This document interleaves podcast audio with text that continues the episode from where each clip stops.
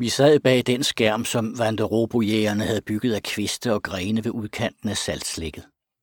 Så hørte vi bilen komme. Til at begynde med var den langt borte, og det var ikke til at høre, hvad det var for en støj.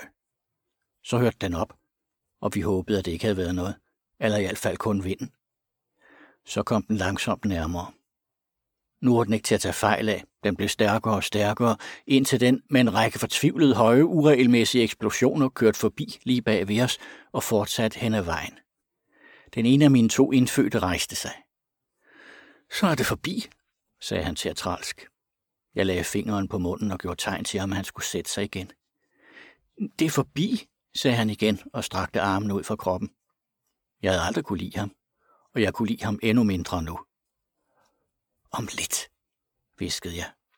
Cola rystede på hovedet. Jeg så på hans skaldede sorte ise, og han vendte hovedet lidt, så jeg kunne se de tynde kineserhår, han havde i mundvigene.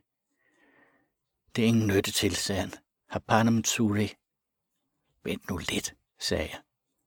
Han bøjede hovedet igen, så det ikke ragede frem over de visne grene, og vi sad der i det støvede hul, indtil det var blevet så mørkt, at jeg ikke kunne se kornet på min riffel.